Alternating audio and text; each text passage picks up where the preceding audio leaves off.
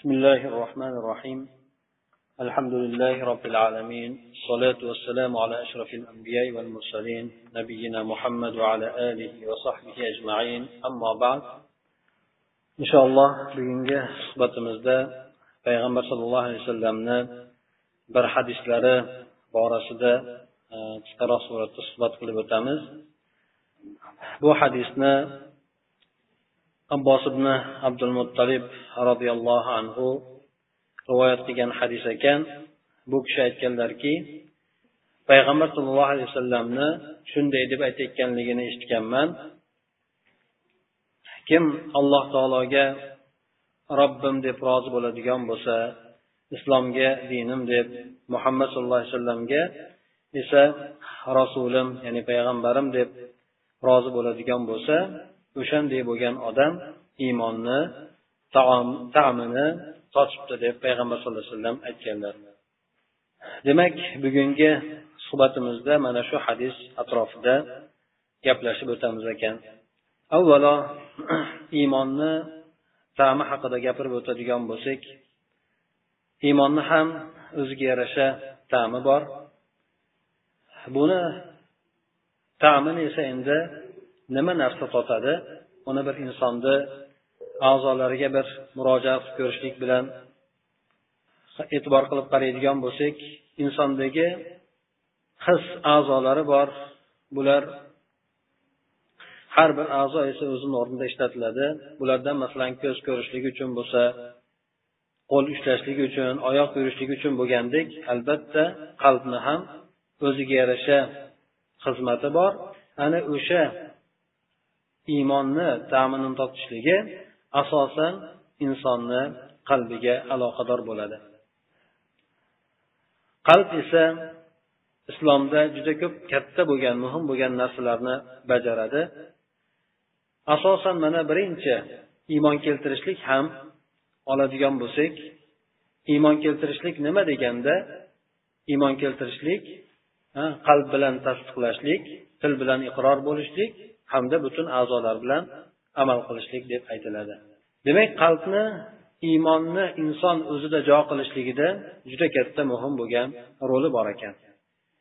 Demak qalbni olimlar aytishadiki qalbni ham so'zi bor ham amali bor. Ya'ni iymon ilmdan hamda amaldan iborat deb aytishadi. Bular qalbni ilmi hamda amali tilni ilmi hamda amali butun a'zolarni esa amali deb aytishadi. Qalbni so'zi bilan amali to'g'risida aytadigan bo'lsak qalbni so'zi esa birinchi navbatda tasdiq qilishlik hamda o'sha to'g'risida ma'lumotni olishlik. Ikkinchidan esa amali deb aytadigan bo'lsak u qalb o'sha insonni tashqariga amal bo'lib chiqadigan hamma narsalarni tadbiqotini boshlab berishligi o'sha qalbni amali bo'ladi.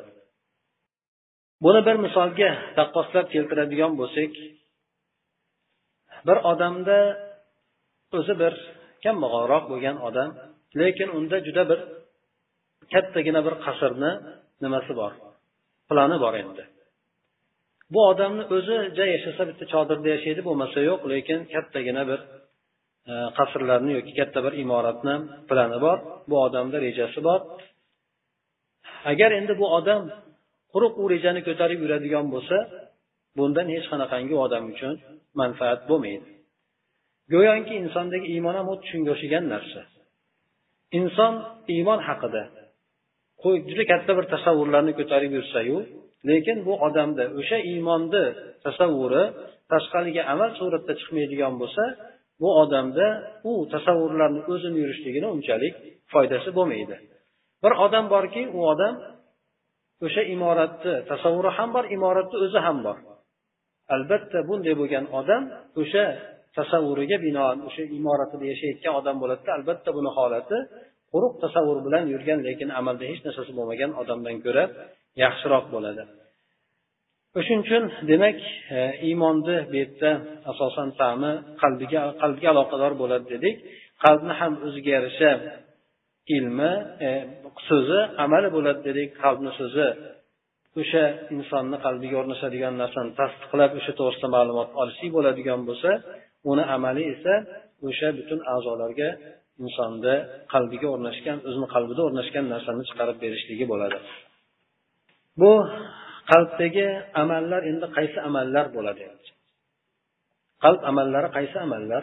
Mana jasad a'zoni amallari bor har bitta masalan ko'zni amali ko'rishlik boshqa bo'ladigan bo'lsa qalbni amallari birinchi navbatda bu alloh taoloni yaxshi ko'rishlik bu qalbni o'zida shakllanadigan amal alloh taolodan qo'rqishlik bo'lsin alloh taoloni ulug'lashlik bo'lsin allohni huzuridagi bo'lgan ne'matlarni inson shunga rag'bat qilishlik bo'lsin taqvo hosil qilishligi bo'lsin bu narsalarni hammasi qalbni amallari bo'ladi endi. Shuningdek qalbni har bir a'zoni insondagi his qiladigan a'zolarni o'zini tuyg'usi bo'lgani kabi beshta insonda his qiladigan a'zo bo'ladigan bo'lsa xuddi shuningdek qalbni ham o'ziga yarasha his qilishligi bor. Masalan odam og'ziga taom oladigan bo'lsa uni his qiladi ta'mini biladi. Xuddi shuningdek ham qalb ham buni ham ta'm bilishlik xususiyati borki ayni payg'ambar sallallohu alayhi vasallam mana bu hadislarida o'sha qalbni ta'mni totishligi bu ta'm esa inson yeydigan ichadigan narsalarni ta'mini emas balki bu narsa o'sha insonni qalbiga o'rnashadigan iymonni ta'mi bo'ladi deb aytib o'tganlar. Bu iymonni ta'mi bandani qalbida agar banda o'sha ta'mni tortadigan bo'lsa bir lazzat bir beradida baxsh edadida ana o'sha narsa insonni qalbini qalbidan chiqadigan keyingi boshqa a'zolarga beradigan amallarga juda katta ta'siri bo'ladi. Qalb hayoti haqida gapirib o'tadigan bo'lsak qur'oni karimda qalbni turli suratlarini sifatlab o'tilgan bulardan qalb o'lishligi mumkinligi yoki qalb yashash tirik qalb bo'lishligi ya'ni o'sha oyatda aytilganki ya'ni alloh tomonidan huzurida ya'ni alloh tomonidan bir kelgan hujjat bilan birga bo'ladigan kishi xuddi go'yoki o'sha qalbi uyg'oq bo'lgan odam ekanligi haqida bu oyatlarda oyatda gapirib o'tiladi. Demak qalbni yashashligi yoki o'lib o'lishligi kasallanishligi sog' bo'lishligi xuddi a'zoni boshqa insonni a'zolari kabi shunaqa holatlarni boshdan kechirishligi mumkin ekan. Badanni agar endi tasavvur qilib ko'radigan bo'lsak inson badanini o'lishligi bu bu sohada bandani rohati bo'ladi deydi. Insonni badani o'ladigan bo'lsa banda qiyinchiliklardan xalos bo'ladi.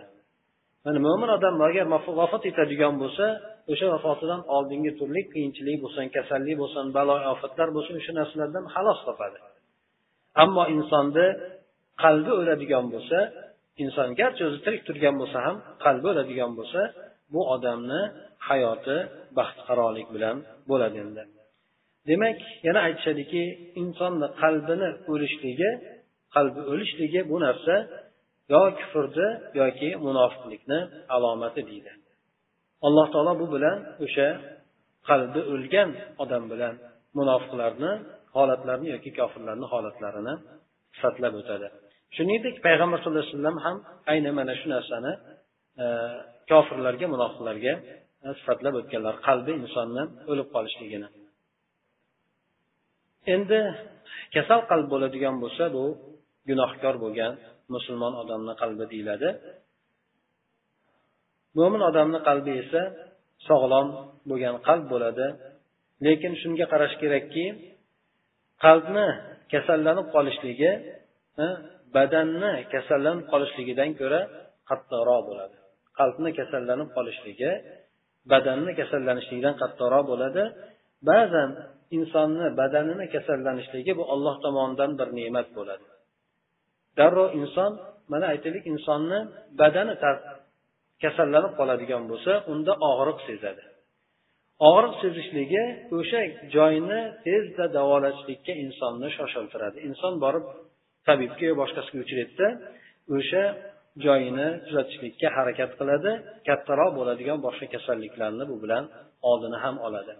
Demak inson bu kasallikni boshdan kechiradiyu lekin o'zi aslida badandagi alamlar alloh tomonidan bir rahmat bo'lar ekanki alloh taolo o'sha insonni badanidagi alamdan o'sha insonni halal yetayotgan a'zosiga ishora qilar ekanda bu a'zoni isloh qilishlik bilan insonni sog'ligi yana joyiga qaytar ekan.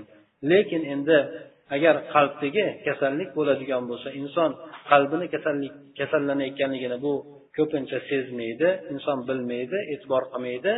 Borib borib turib xuddi aytishadiki go'yoki insondagi kasallikni paydo bo'layotganligi xuddi go'yo bir daraxtni yoki o'simlikni o'sib ulg'ayayotgani katta bo'layotganiga o'xshatishadiki agar inson vaqtida o'sha qalbidagi bo'lgan kasallikni ogoh bo'lib tuzatishlikka harakat qilmaydigan bo'lsa unda u xuddi daraxt kabi juda katta mustahkam o'rnashib qoladida ana undan keyin bu qalb insonni oxiri borib halok qiladi uni bu kasallikni yo'qotishlikka insonni imkoniyati bo'lmay qoladi. Demak e, bu yerda kasallik insonni agar badaniga yetadigan bo'lsa bu alloh taolo tomonidan ne'mat deb aytdik. Bundan tashqari alloh taolo insonga biron bir kasallikni dardni beradigan bo'lsa o'sha kasalligi sababli alloh taoloni huzurida darajotlari ham ko'tariladi. Payg'ambar alayhisalom bu borada aytib o'tganlar qaysi bir mo'min odamga qanaqa bir musibat balo ofat yetadigan bo'lsa qanaqa bir qiyinchilik o'sha jasadlarga yetadigan bo'lsa hattoki badaniga yetadigan bir tikon sanchilib o'sha ham og'riq beradigan bo'lsa sabr qiladigan bo'lsa alloh taoloni huzurida darajotlarni ko'tarishligiga payg'ambar alayhisalom ishora qilib aytganlar. Insonni qalbi ikki narsa bilan kasallanadi. Insonlarni qalbi ikki narsa bilan kasallanadi deb aytishadi. Bu birisi shubha bilan bo'lsa ikkinchisi shahvat bilan bo'ladi. Shahvat deganda bu insonni havoyi nafsiga ergashib ketishligi. Birisi demak shubha bilan shubha insonni qilayotgan qiladigan ibodatlari bo'lsin yoki qilayotgan e'tiqodlari iymonlari bo'lsin mana shu narsalarga shubhalarni kelishligi bo'lsa albatta bu narsa insonga shayton tomonidan olib kelinadigan narsa xuddi shuningdek inson yana kasal qalbini kasal bo'lib qolishligi bu shahvat bilan ya'ni havoyi nafsiga ergashishlik bilan bo'ladi. Inson o'sha shahvat bilan kasallangan paytida alloh taologa osiylik osiy bo'lishlikka qalbi moyil bo'lib qoladida inson keyin o'sha qalbidagi moyillikka qarab quloq tutadi o'shanga eshitib o'sha aytganini qiladigan bo'lib qoladi. Qalbi uni bironta kasallangandan keyin bironta bir gunoh ishni qilishlikka qalbi unga buyruq qiladi inson itoat qilib o'sha narsaga qarab ketaveradi deydi. Yana o'sha bu shaytonni insonni qalbiga kiradigan insonni adashtiradigan yoki bo'lmasa gunohlarga kiritib qo'yadigan eshiklardan birisi bo'lsa yana birisini aytishadiki bu g'azab deb aytiladi. Yana birisi esa shaytonni kiradigan insonni qalbiga kirib borib uni adashtiradigan eshiklardan bittasi g'aflat bo'ladi deydi.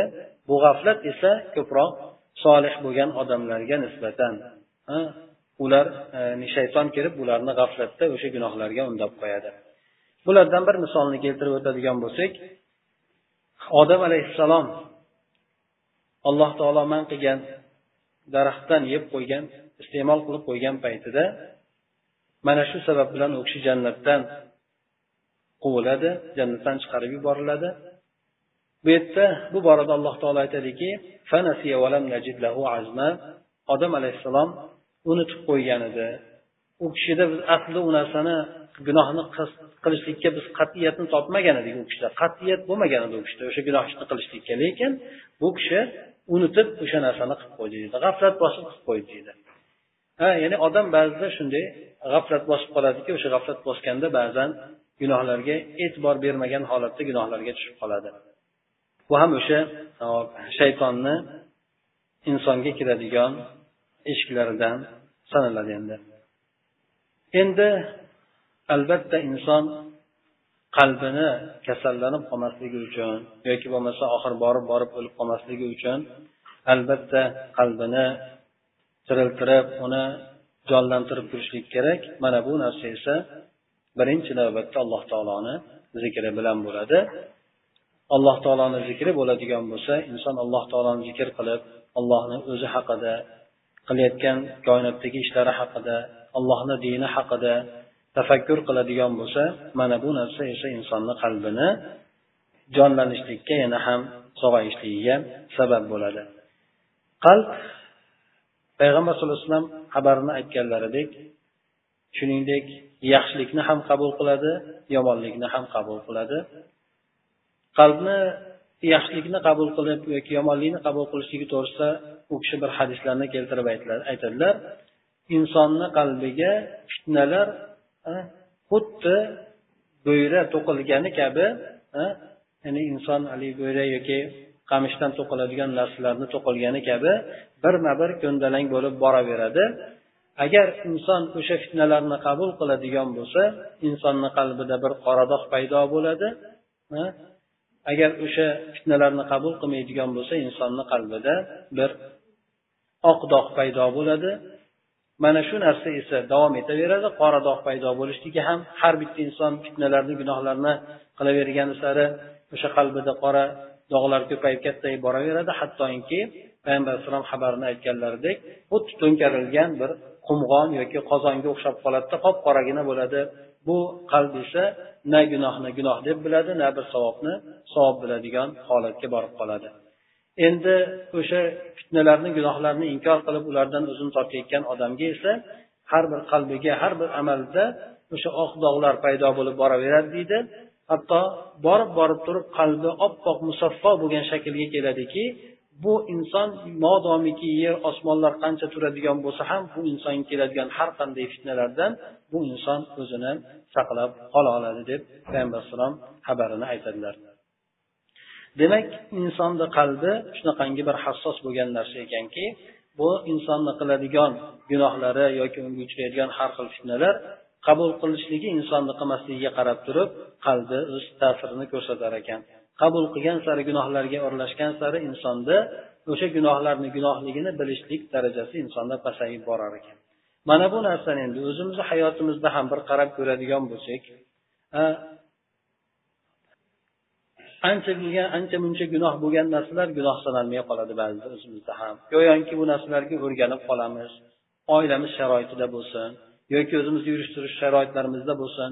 Ba'zan katta katta gunoh bo'lgan hattoki katta og'ir harom bo'lgan narsalar ham ba'zi odamlarda yoki hatto o'zimizda ham kuzatishimiz mumkin. Bu narsalarni unchalik darajada inson his qilmasdan go'yoki odatiy oddiy bo'lgan narsa suratda qabul qilib qolishligi ham mumkin bo'ladi. Avvalda esa mana e, payg'ambar alayhissalomni davrlarini sahobalarni davrlarini bir ko'zdan kechiradigan bo'lsak bular to'g'risida ana abdulloh masud roziyallohu anhu ham aytganlar munofiq bo'lgan odam bilan musulmon mo'min bo'lgan odamni gunohni qanday tasavvur qilishligi borasida aytganlarki mo'min odam gunohini xuddi go'yoki ustiga og'nab ketishligi mumkin bo'lgan tog'dek ko'radi. O'sha meni halok tashlaydi deb o'ylaydi. Lekin munofiq bo'lgan odam esa o'sha qilib yotgan gunohlarini bir burnini oldidan uchib o'tib ketadigan pasha kabi his qiladiki go'yoki bir joyga qo'nadigan bo'lsa qo'lini haydab haydaydigan bo'lsa shu bilan uchib ketaveradi. Ya'ni qo'lini ha degan suratda demak munofiq odamni e, sifatini e, sifatlab beradilar u kishi. O'sha narsaga olib borib qo'yadigan narsa biz yuqorida aytib o'tganimizdek qalbni o'lib borishligi bo'ladi. Qalbni o'lib borishligi birinchi navbatda qalb sekin sekin qorayib boradi. Qorayib borgandan keyin birinchi kasallanadi. Undan keyin borib qotishlikka o'tadi. Ya'ni oyatlar bilan boshqa ko'zda ko'rayotgan narsalar bilan ta'sirlanmaydigan holatga borib yetadi. Ana o'shanday bo'lib undan keyingi bosqichi esa qalbni o'lishligi bo'ladi. Bu qalb esa hech qanaqangi bo'lgan narsaga qabul qilmaydigan ta'sirlanmaydigan bo'ladi. Mana payg'ambar alayhissalomni davrlarida mushriklar mo'jizalarni talab qilishar edi ularga hattoki mo'jizalar ko'z o'ngida ko'rsatilgan taqdirda ham bularni qalbiga hech qanaqangi narsani ta'sir qilmasdi. Ular qalblari u narsani umuman qabul qilmas edi bundan tashqari mana aytaylik yahudlar ham payg'ambar sallallohu alayhi vasallamni xuddi mana alloh taolo qur'onda bayon qilgandek bolalarini taniydigan darajada payg'ambarligini bilishar edi lekin bularni qalbi o'lganligi uchun payg'ambar deb qabul qilishmasdi. Bu narsani o'zaro bo'lgan suhbatlarida ham aytishgan ediki o'sha aytilgan payg'ambar mana shu bo'ladimi deganda ha shu edi deganda iymon keltirmaymizmi bo'lmasa bunga desa yo'q deb turib ular o'sha payg'ambar alayhisalomga hasad qilib qalbidagi bo'lgan marazi yoki o'lganligi sababli bular qabul qilishmagan. Alloh taolo ham bular haqida aytadiki ularga ya'ni o'zlari bilgan narsasi ularga kelgan paytida bular kofir bo'lishdi deydi. O'zlari bilib tanigan narsasi kelgan paytda qabul qilishmay qo'ydi.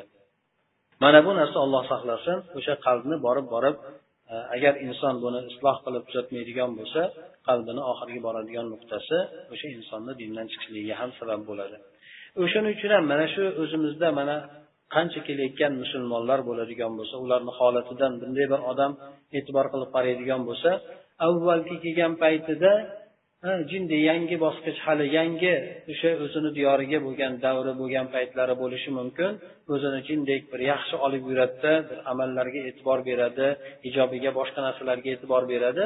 Bir muddatdan keyin qarasangiz xuddi bulardaqa bo'lib qoladi. Yana bir muddat o'tgandan keyin hatto bular ham bizdan ham o'tib ketibdi deydigan darajaga yetib boradi. Bu narsani o'zimizni musulmonlarda musulmon qizlarda bolalarda ayni mana shu narsani kuzatishligimiz mumkin. Bu narsa o'sha muhit sekin sekin ta'sir qilib qalbini o'ldirishligi yoki juda kasal holatga borib qo'yishligida shu bilan insonni oqibati yo alloh saqlasin yomon xotima bilan tugashligiga sabab bo'ladi. Eng katta xatarli bo'lgan narsasi inson jasadi kasallansa bu narsani asoratini biladi sezadi o'sha og'rigan joyini borib doktorga davolashlikka harakat qiladi lekin qalbi kasallanishlikni boshlasa bu inson qalbini kasallanganini sezmay qoladi hattoki borib borib turib oxiri insonni halok qilib ham qo'yishligi mumkin bo'ladi. Demak e, payg'ambar sallallohu alayhi vasallam aytgan bu hadislari kimki alloh taoloni robbim deb hamda islomni dinim deb muhammad sallallohu alayhi vasallamni payg'ambarim deb rozi bo'ladigan bo'lsa o'sha odam iymonni ta'mini topgan bo'ladi. Iymonni nima ekanligini qanday maza ekanligini topgan bo'ladi deb aytadilar. Inson alloh taoloni tanishligi alloh taoloni rob ekanligini birinchi navbatda kim yaratgan ekanligini inson bilishligi undan keyin inson o'zida u zot bergan ne'matlarni his qilishligi qanday ne'matlarni berdi? Alloh taolo aytadiki agar alloh taolo bergan ne'matni hisoblab chiqaman desanglar sanab sanog'iga yetolmaysizlar deb aytadi. Shunchalik alloh taolo juda ko'p ne'matlarni bergan. Hattoki kasal bo'lib to'shagida yotib qolgan odamga ham alloh taolo qancha qancha ne'matlarni ato etgan bergan o'sha odamga ham. Sog'lom yurgan odamlargaku ollohni bergan ne'matlarni hisobi yo'q. Shu alloh taoloni ne'matlarini bilishlik ana undan keyin esa o'sha ne'matlarni shukronasini qilishlik albatta bu narsa har bitta insondan talab qilinadi. Bu esa alloh taolo o'sha bergan ne'matlarini alloh taologa so'z bilan shukur aytib o'sha narsalarni e'tirof etib o'zini alloh taolo aytgan o'rinlarda ishlatishligi mana bu narsa o'sha allohga qilinadigan shukrona bo'ladi. Ana undan keyin alloh taoloni yaratuvchi ekanligini bilgandan keyin alloh taolo ibodat qilinadigan zot deb alloh taologa ibodat qilishligi bu alloh taologa qiladigan ibodati insonga yana ham iymonini ziyoda qilishligi alloh taologa uni yaqin qilishligi alloh taolo ne'matlarini barakotli qilib berishligiga bu narsa sabab bo'ladi. Mana shunda demak inson qalbida alloh taologa bo'lgan yaqinlikni his qiladi. Mana bu odam esa har qanaqangi narsa bo'lsin payg'ambar sallallohu alayhi vasallam aytganlaridek agar ular olib kelib quyoshni o'ng tomonimga oyni chap tomonimga qo'yadigan bo'lsa ham men o'sha olib kelgan narsamdan qaytmayman deydigan darajaga boradi. Hattoki insonga butun boshlik tilla beradigan taqdirida ham bir og'iz bo'lsa ham kufr so'zini so'zlashlikdan yoki dindan qaytishlikka rozi bo'lmaydi. Sababi bu odam o'sha iymon ta'mini totib qolgan odam bo'ladi. Bu haqida mana hiraql payg'ambar sallallohu alayhi vasallamni sifatlarini eshitgandan keyin ba'zi o'sha arablardan e, tijorat bilan kelganlardan so'ramoqchi bo'lib chaqirganda abu sufyon o'sha yerda bo'ladi ya'ni karvonni boshliqlaridan bittasi. O'shandan so'raydi keyin abu sufyondan so'ragan paytda hali musulmon bo'lmagan payti bo'ladi. Ya'ni payg'ambar sallallohu alayhi vasallamga ergashgan odamlardan qaytayotganlari bo'lyaptimi orqasiga? Ya'ni dindan murtad bo'lib ketib orqasiga qaytib ketayotganlari bo'lyaptimi deganda abu sufyon aytadiki unaqa narsa bo'lmayapti kuzatmayapmiz deganda ha haqiqatdan iymon insonni qalbiga borib o'rnashadigan bo'lsa bu narsadan inson voz kechmaydi. Ya'ni qalbiga aralashgandan keyin inson bu narsadan bu narsani tashlab yubormaydi deb aytadi. Haqiqatdan insonni qalbiga alloh taologa bo'lgan ishonch alloh taoloni tanishlik alloh taoloni kim ekanligini bilishlik o'rnashib qoladigan bo'lsa inson bu narsadan har qanaqangi beriladigan e, narsa bo'lsin boylik bo'lsin boshqa narsa bo'lsin bu narsalardan voz kechmasligi aniq bo'ladi. Lekin insonga beriladigan bitta dard bitta dard beriladigan bo'lsa og'irroq dard beriladigan bo'lsa o'sha narsadan qutulishlik uchun hamma narsasini berishlikka rozi bo'ladi bitta darddan qutulishlik uchun. Ba'zan alloh taolo katta boy bo'lgan podsho bo'lgan odamlarga shunday bir dardni beradiki o'sha darddan qutulishlik uchun butun dunyosidan mol dunyosidan boyligidan ketishlikka rozi bo'lishadi. Demak alloh taolo o'zini tanitib qo'yishligi shunaqangi darajada katta bir ne'mat ekanki inson har qanaqangi narsa bo'lishidan qat'iy nazar u narsani demak alloh taolodan qaytishlik evazida olishlikka rozi bo'lmas ekan. Ikkinchisi esa alloh taolo islomga din deb rozi bo'lgan odam dedi. Haqiqatdan alloh taolo bu islomni butun insoniyat uchun din deb tanladi. Sizlar uchun islomni din deb rozi bo'ldim deb alloh taolo aytadi. Bu alloh taolo rozi bo'lgan din haqiqatdan insonlar o'shanga ergashsa o'shani amalga oshirishadigan bo'lsa o'shanga amal qilishadigan bo'lsa dunyo oxirat baxtodatiga erishishligi aniq bo'lgan narsa bo'ladi. Sababi alloh taolo insoniyatni yaratdi. Bularni qanday hayotlari yaxshi bo'lishligini oqibatlari ham qanday qiladigan bo'lsa yaxshi bo'lishini alloh taolo biladi. Ana o'sha narsani hammasini majmuasini jamlab turib alloh taolo o'sha islom diniga joylab qo'ygandir islomni endi haqiqatini bilmagan odamlar esa islomni nimaligini tushunmagan odamlar esa uni boshqa tuzumlar bilan yoki boshqa dinlar bilan barobar ko'radida mana bu narsada esa ularni qalblariga aytib o'tganimizdek iymon halovati kirmagan balki bular qalblari kasallangan yoki borib borib o'sha qalblari qotib qolgan yoki o'lgan holatga tushib qolgan odamlar bo'ladi. Hech qaysi bir islomni yaxshi bilgan islomdan xabari bo'lgan odam uni muqobilidagi bo'lgan har qanday tuzum bo'lsin har qanday din bo'lsin bu narsalarga rozi bo'lmaydi. Chunki alloh taolo islomga rozi bo'libdi biz uchun. Albatta alloh rozi bo'lgan narsaga biz rozi bo'lamiz deb aytadi. Mana shunday degan odam ham iymon bu odamni ham qalbiga o'rnashgan bo'ladi. Islom aytib o'tganimizdek islomni tark qilishlik muqobilida bu odam hech narsaga rozi bo'lmaydi. Muhammad sallallohu alayhi vasallamni esa payg'ambar deb rozi bo'lishlik bu ham insonga iymon ta'mini beradi deb aytilyapti. Chunki alloh taolo dinni islom dinini yuborgan bo'lsa islom dinini amaliy suratini payg'ambar sallallohu alayhi vasallam ko'rsatib berganlar.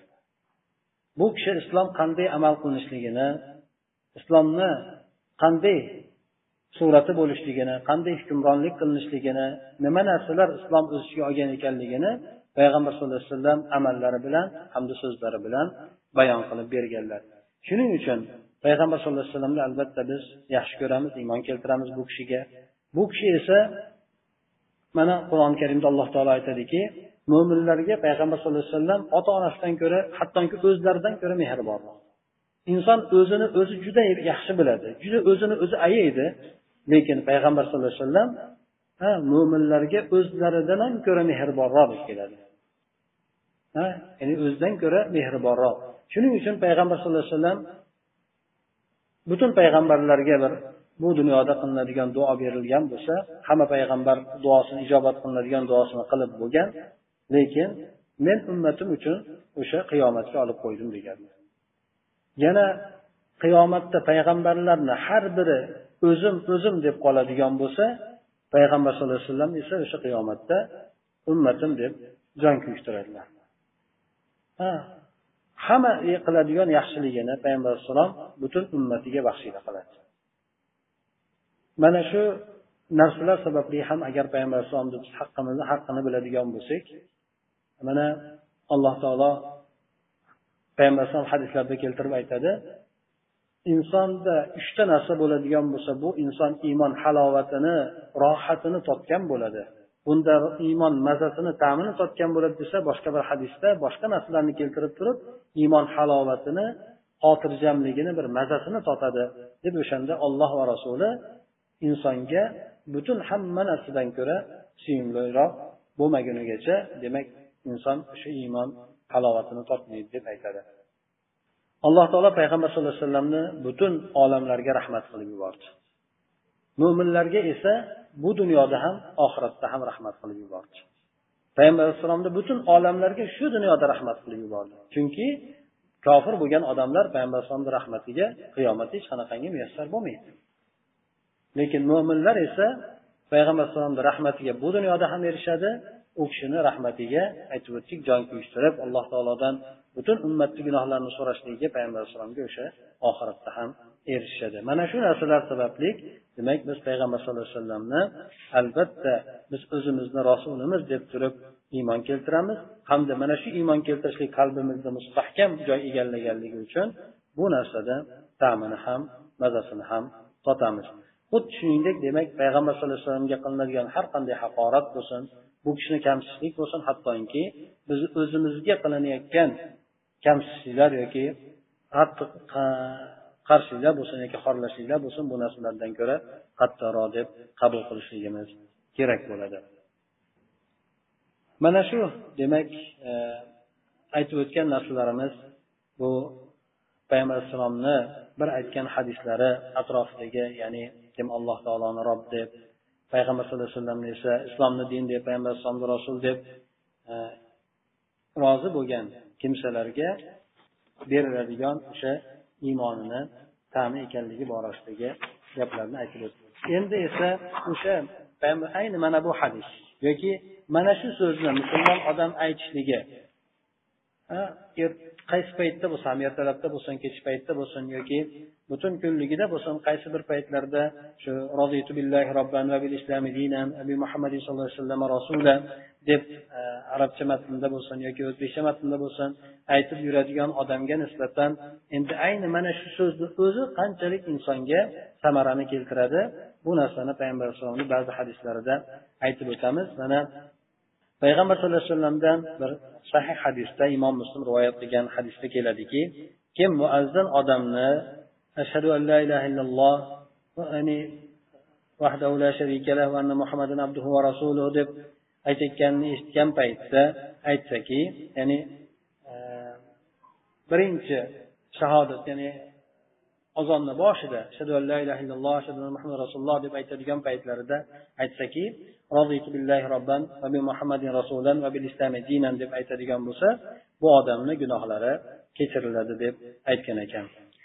yana bir boshqa bir hadislarida payg'ambar sallallohu alayhi vasallam aytgan ekanlar buni abu dovud abu said hudr roziyallohu anhudan rivoyat qilgan ekanlarki u zot aytganlar kimki رضيت بالله ربا وبالإسلام دينا وبمحمد صلى الله عليه وسلم رسولا deb aytadigan bo'lsa bu odam uchun jannat vojib bo'ladi deb aytgan ekanlar buni imom